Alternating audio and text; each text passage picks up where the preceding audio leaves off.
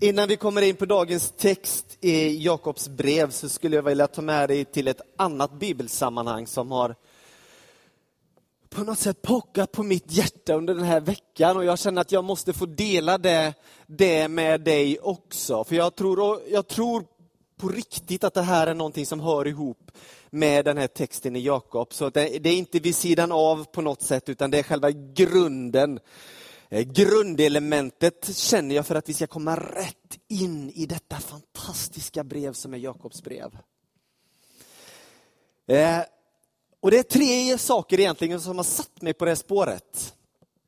Det första är, jag tycker mig ha hittat ett nyckelord i Jakobs brev kapitel 4 som vi ska hålla oss i huvudsak till idag. I Jakobs 4.6 så står det så här, Gud står emot det högmodiga men ger nåd åt det ödmjuka. Hör du? Gud står emot de högmodiga men han ger nåd till de ödmjuka. Och han har hämtat det här, det står inte ordagrant så i Jobs brev, men, men det är sammanhangsmässigt hämtat ifrån Jobs bok i Gamla Testamentet. Och någonstans tror jag att detta är någonting som, som går igen i hela det kristna livet, att Gud verkligen vill få oss att bli ödmjuka. Inför varandra, inför livet, inför Gud själv. Det andra är, och det leder obönhörligen in i det här, det är den den spik som både Christer och jag har hamrat på under hela den här resan vi gjort tillsammans med Jakob. Att det handlar först och främst inte om det du och jag kan göra. Utan det handlar om vad då? Det kan ni nu. Vad Gud har gjort för oss. Är du med på den? Det handlar om vad Gud har gjort för oss.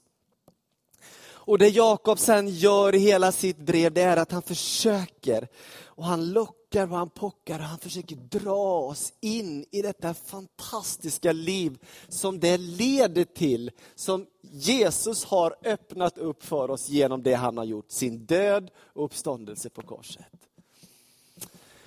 Eh,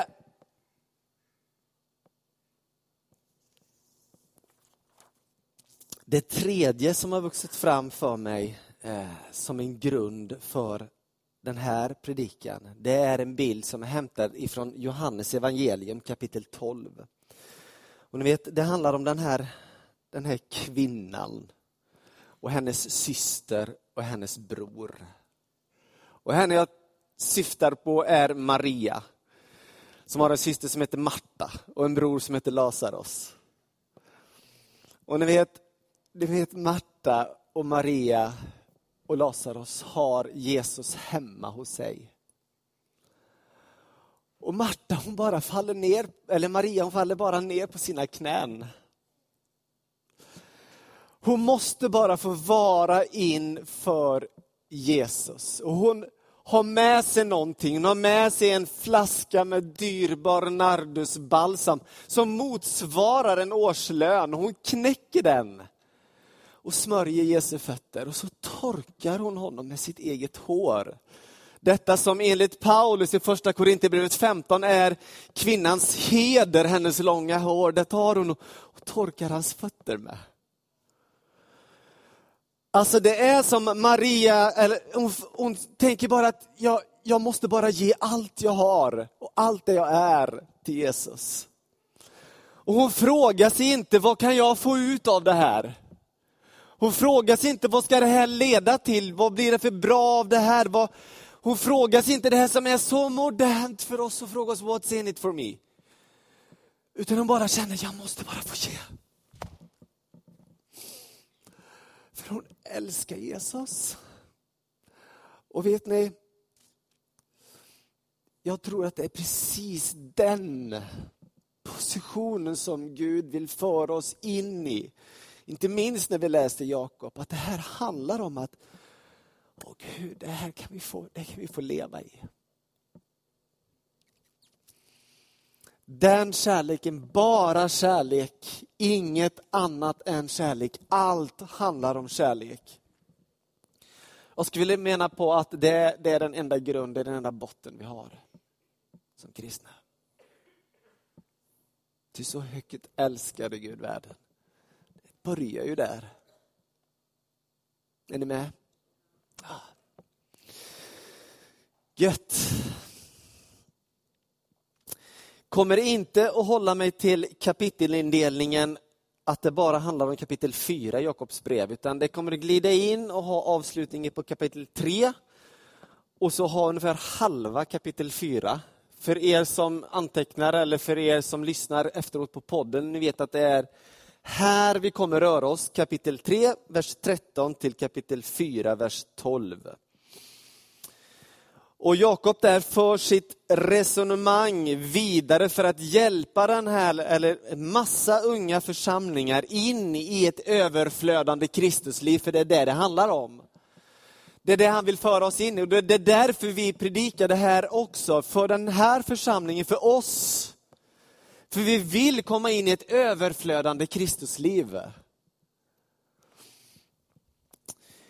Eh, Föregående kapitel predikade Christer om här förra söndagen. Har du, var du inte här och lyssnade på den så gå in på vår hemsida och lyssna på podden för det var så fantastiskt bra.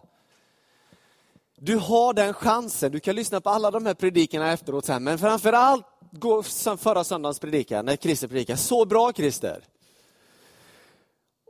Hur vi använder våran tunga, bland annat. Vad vi säger. Till varandra, Det vi kommer in på en hel del idag är att det verkar i de här unga församlingarna finnas en vishetskultur som inte riktigt ligger i linje med den kultur som, som Kristus visar på.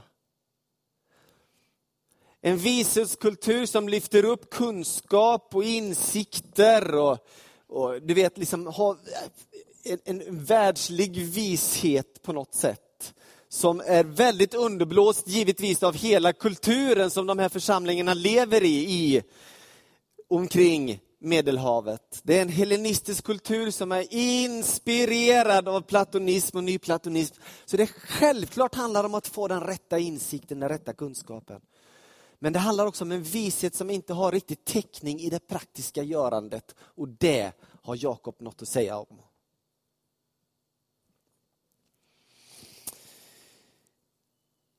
Jakob argumenterar friskt om att det finns en annan vishet än den som är den allestädes rådande i församlingen. En vishet ifrån ovan. Känner ni igen det?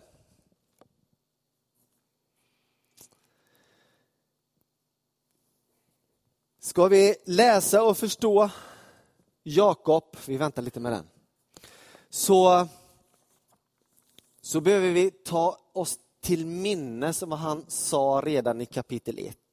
Jakob sa så här angående den himmelska visheten, eller visheten från ovan. Om någon av er brister i vishet ska han be till Gud som ger åt alla villigt utan att kritisera och han ska få vishet. Jakob 1 och 5.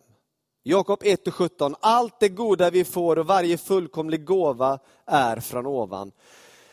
Vi måste hålla detta i fräscht minne hos oss, att den vishet som Jakob talar om här nu är ingen vishet som du manar fram inom dig själv. Det är en gåva du får ifrån Gud och någonting du kan utbedja dig om.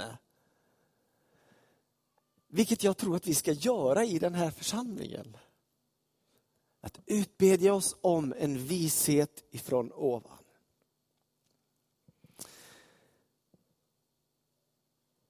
Vi börjar med det som kanske inte är det, det roligaste. Vi börjar med den vishet som inte är från ovan. Utan den vishet som kommer härifrån. Och det skriver Jakob så här. Men bär ni bitter avund och rivalitet i ert hjärta ska ni inte skryta och ljuga i strid mot sanningen. En sådan vishet kommer inte från ovan utan är jordisk, oandlig, demonisk. För där finns avund och rivalitet, där finns också oordning och all slags ondska. Det Jakob gör här när han tar upp det här till granskning det är inte att visa på att det finns en viss sorts avund eller en, en viss sorts ondska, utan jag tror att Jakob vill visa på ett mönster som finns. Alltså en natur som finns i oss. Paulus i första Korinthierbrevet 3 och 3, han kallar det här för en kötslig natur. Jakob väljer att säga någonting annat. Han säger en, en oandlig och en jordisk och till och med en demonisk natur. Jag tror att det här är ett mönster, eller jag skulle vilja kalla det för ett hjul som kan sättas i rullning. När vi inte avslöjar avundet, när vi inte avslöjar eh, vad var det mer vi hade där? Och rivaliteten. När vi inte avslöjar det så är det lätt att det kommer ett hjul i rullning. Och vad händer då när det hjulet kommer i rullning? Jo, då blir det en oordning i våra sammanhang, i våra församlingar. Vad handlar den oordningen om? Jo, det är att när inte Guds lag får råda så är det en oordning istället. Och vad är Guds lag? Jo, Jakob har gjort det tydligt för oss i kapitel 2. Guds konungsliga lag är älska din bror som dig själv.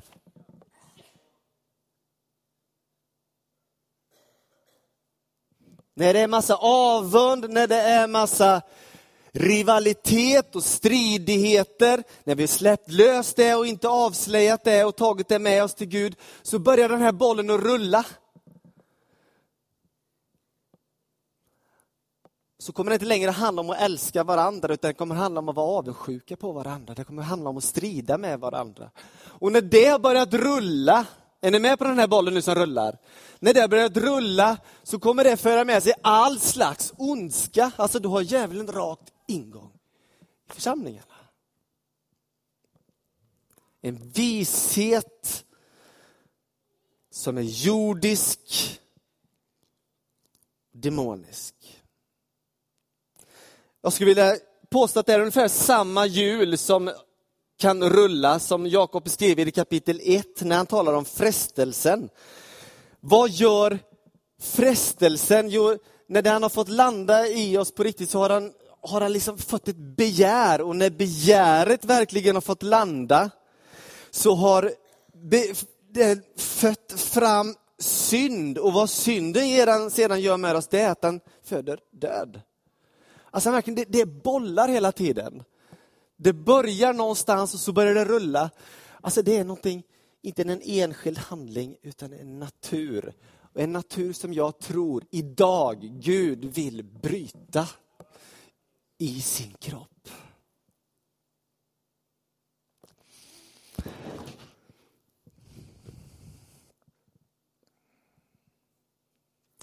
Jakob skriver till församlingar nu. Ni är medvetna om det? va? Det är inte till hedningar han skriver, han skriver till församlingar. Till kristna människor. Och det här, vågar jag påstå, finns ibland oss. Det fanns i den första unga församlingen. Jag tror att det finns ibland oss också. Vet ni var det är värst någonstans?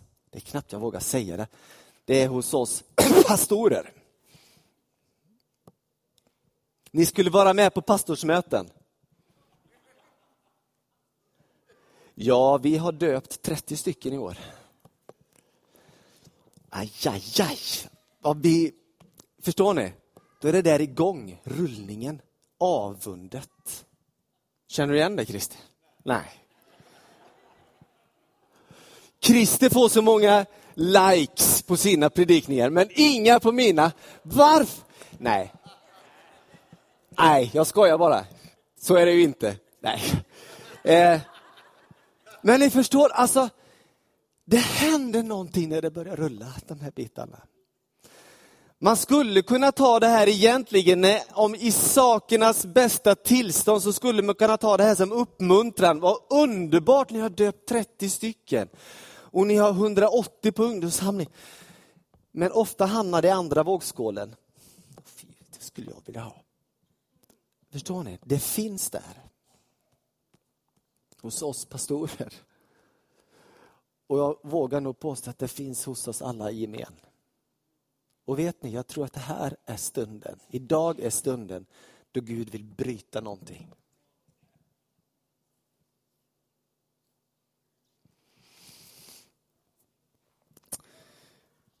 Och så har vi denna parasit. Om vi kommer tillbaka till den här parasiten avund. Vad den gör med oss. Avundsjukan. Hur den ställer till i våra liv. Ni vet när avundsjukan börjar komma in och börjar få sitt fäste i våra liv, så är man inte långt ifrån till man sitter där i hörnet och det är pittimi. Det är så synd om mig. Och jag tror att det är någonting nytt som ska hända här idag. Vänta bara ska ni få se. Vänta bara ska ni få se. Det finns en annan vishet från ovan. Vi lämnar det här, det här lite tråkigare här nu för att jag vet att Gud vill göra något annat. Men visheten från ovan är först och främst ren. Dessutom fredlig, mild, följsam, full av barmhärtighet och goda frukter, opartisk och uppriktig. Rättfärdighetens frukt sås i frid och ges åt dem som skapar frid. Det här är en annan vishet. Är ni med på det? Väldigt stor skillnad mot den andra visheten som, som Jakob talar om.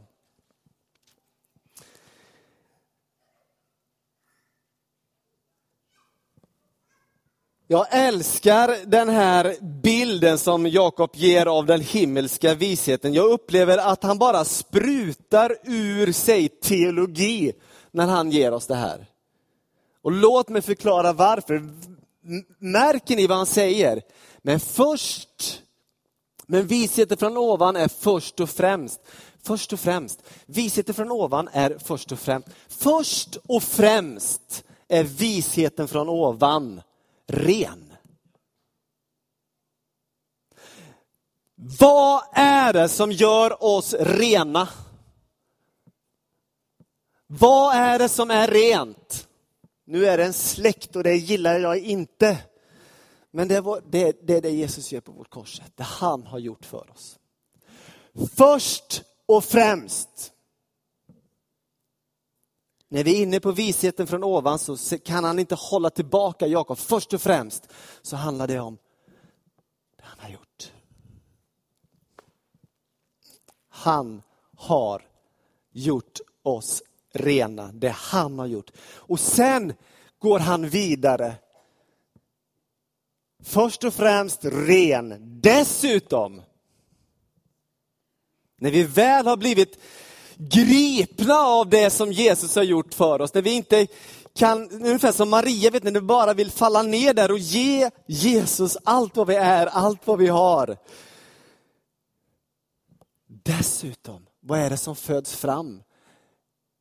fredlig, fredlighet, mildhet, följsamhet och någonting, ett liv som är full av barmhärtighet. Märker ni att det är precis motsatsen till den här andra visdomen som var avund, bitterhet, stridigheter.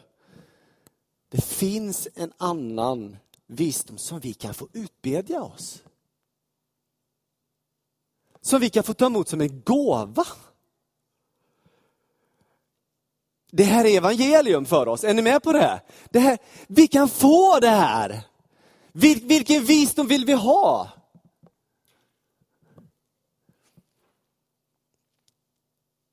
Märker ni också att det som börjar i det här nya, rena, visheten från ovan, är en frid. Och hur slutar det? Jo, det handlar om att det ges, den sås i frid och åt dem som skapar frid. Den börjar och den slutar i Guds shalom. Den börjar och slutar i Guds shalom, en frid i våra liv. Och längtar vi inte efter den här friden inom oss? Eller är det bara... Nej, vi är några till va? Ja, jag tror det. Alltså den här enorma friden som Gud, bara Gud kan ge. Är det någonting som kan förstöra den här friden? Ja, det är det.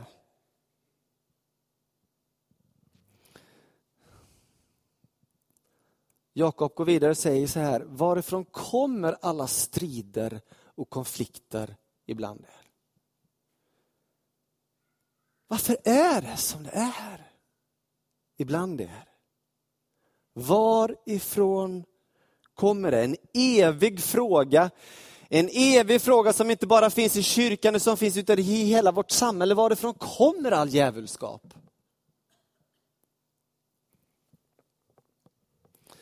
Och Jakob visar då i, i motsats till den frid som den himmelska visheten vill skänka oss, så visar han oss att det, det är faktiskt en konflikt på tre olika plan. Jag skulle avslutningsvis bara vilja ta med dig till de här tre olika planen. För det första, det första planet, så handlar det om en, en konflikt med Gud.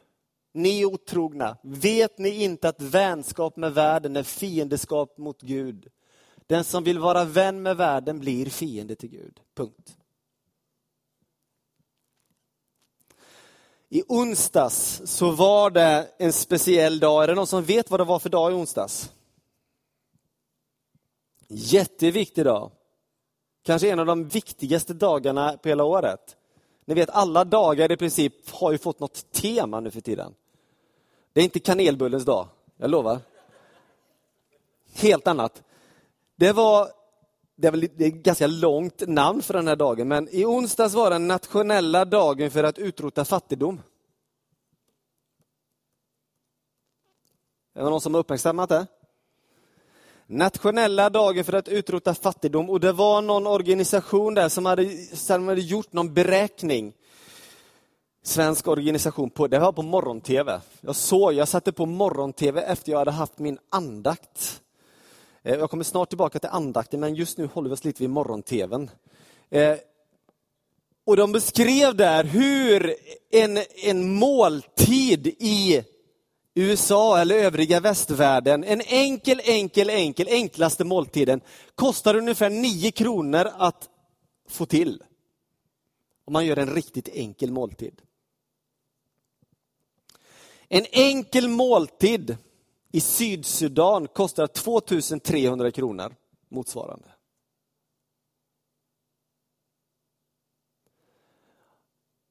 Och det här satt jag och lyssnat till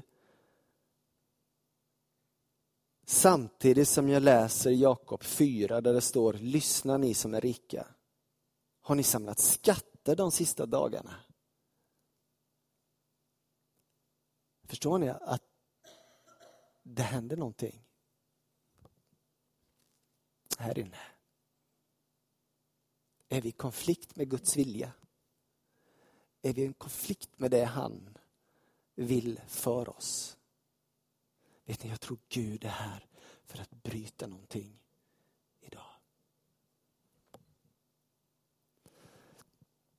Det andra planet är konflikt mellan syskon. Förtala inte varandra bröder. Den som förtalar sin broder eller dömer sin broder förtalar och dömer lagen. Men om du dömer lagen är du inte lagens görare utan dess domare. En lagstiftare och domare. Han som har makt att frälsa och förgöra. Vem är du som dömer din nästa? Vem är du som dömer? Alltså, när vi dömer varandra. Det här är en helt ny tanke för mig. Det vi gör när vi dömer varandra, det är att vi dömer Guds lag. Och dömer vi Guds lag så dömer vi den som står bakom Guds lag. Och vem är det? Gud. Det här får åtminstone mig att tänka i flera varv till. Vem är jag som dömer någon annan människa. Hörde vid något tillfälle att den enda gång du har rätt att se ner på någon annan människa, det, du har rätt att göra det vid några tillfällen. Och vet du vad det är för tillfälle? Det är när du är på väg att böja dig ner för att hjälpa den människan upp. Då och endast då.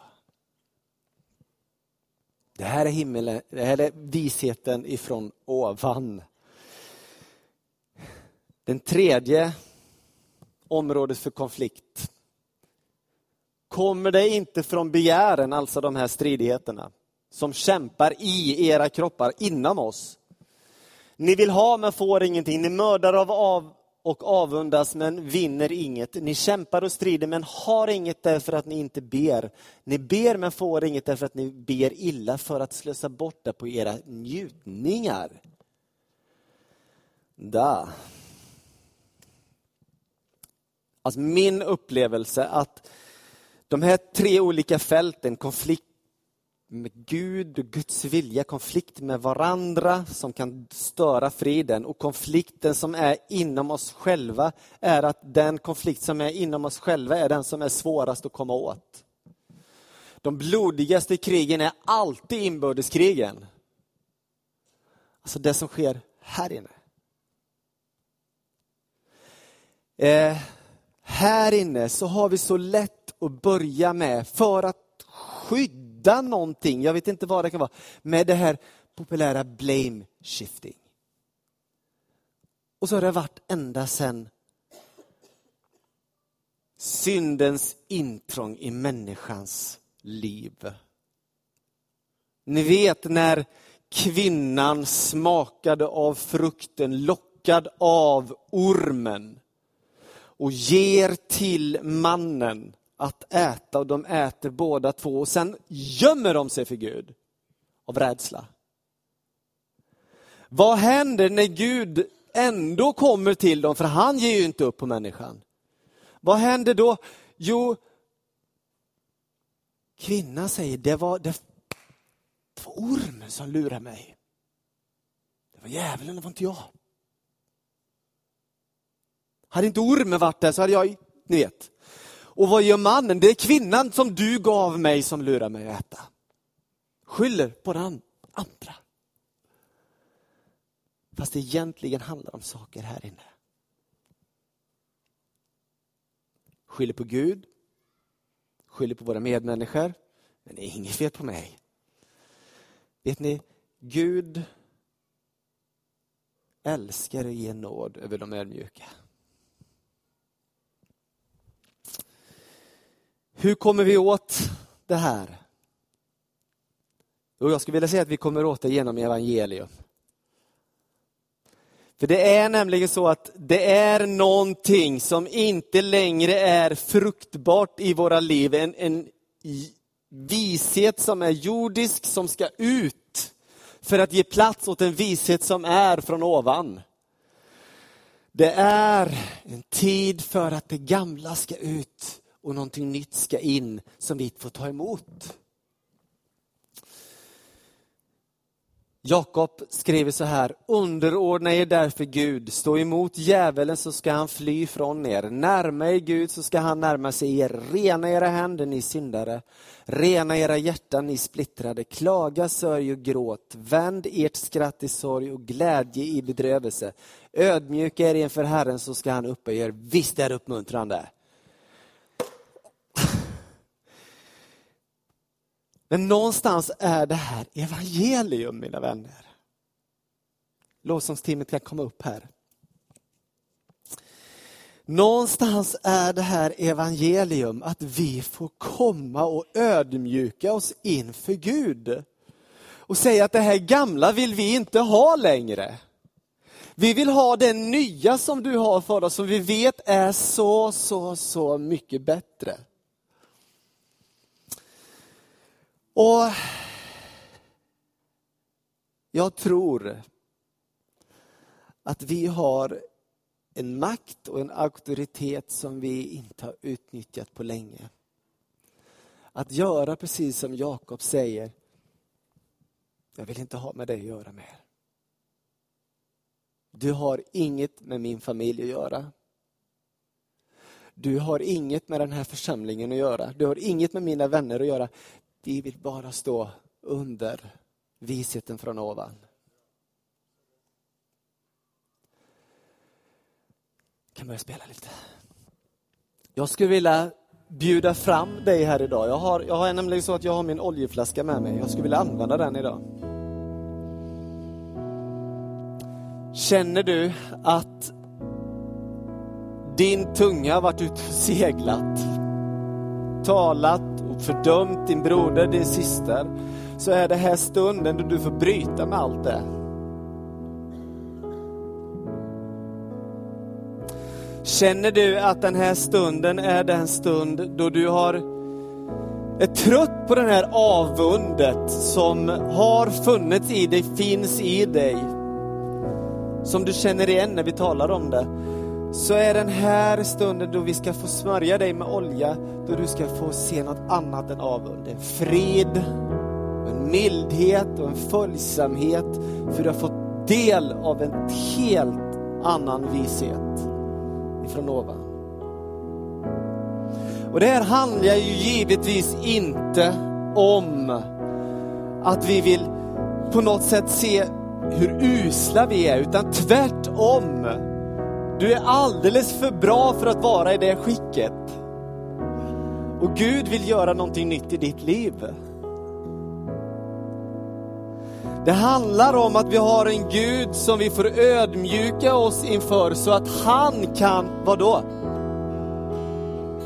Upphöja dig.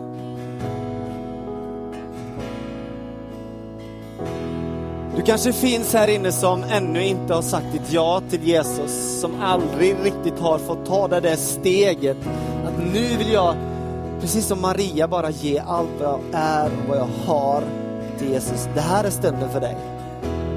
Det här är en stund av att bryta kedjor, det här är en stund av att bryta gamla mönster. Det här är en stund då Gud vill göra någonting i ditt liv. Det här är en stund där den heliga Ande är närvarande. Det här är en stund där himmelriket ska få landa på nytt i ditt liv. Det här är en stund då himmelsk vishet, visheten från ovan ska få landa och göra all skillnad i världen, i ditt liv. Det här är stunden.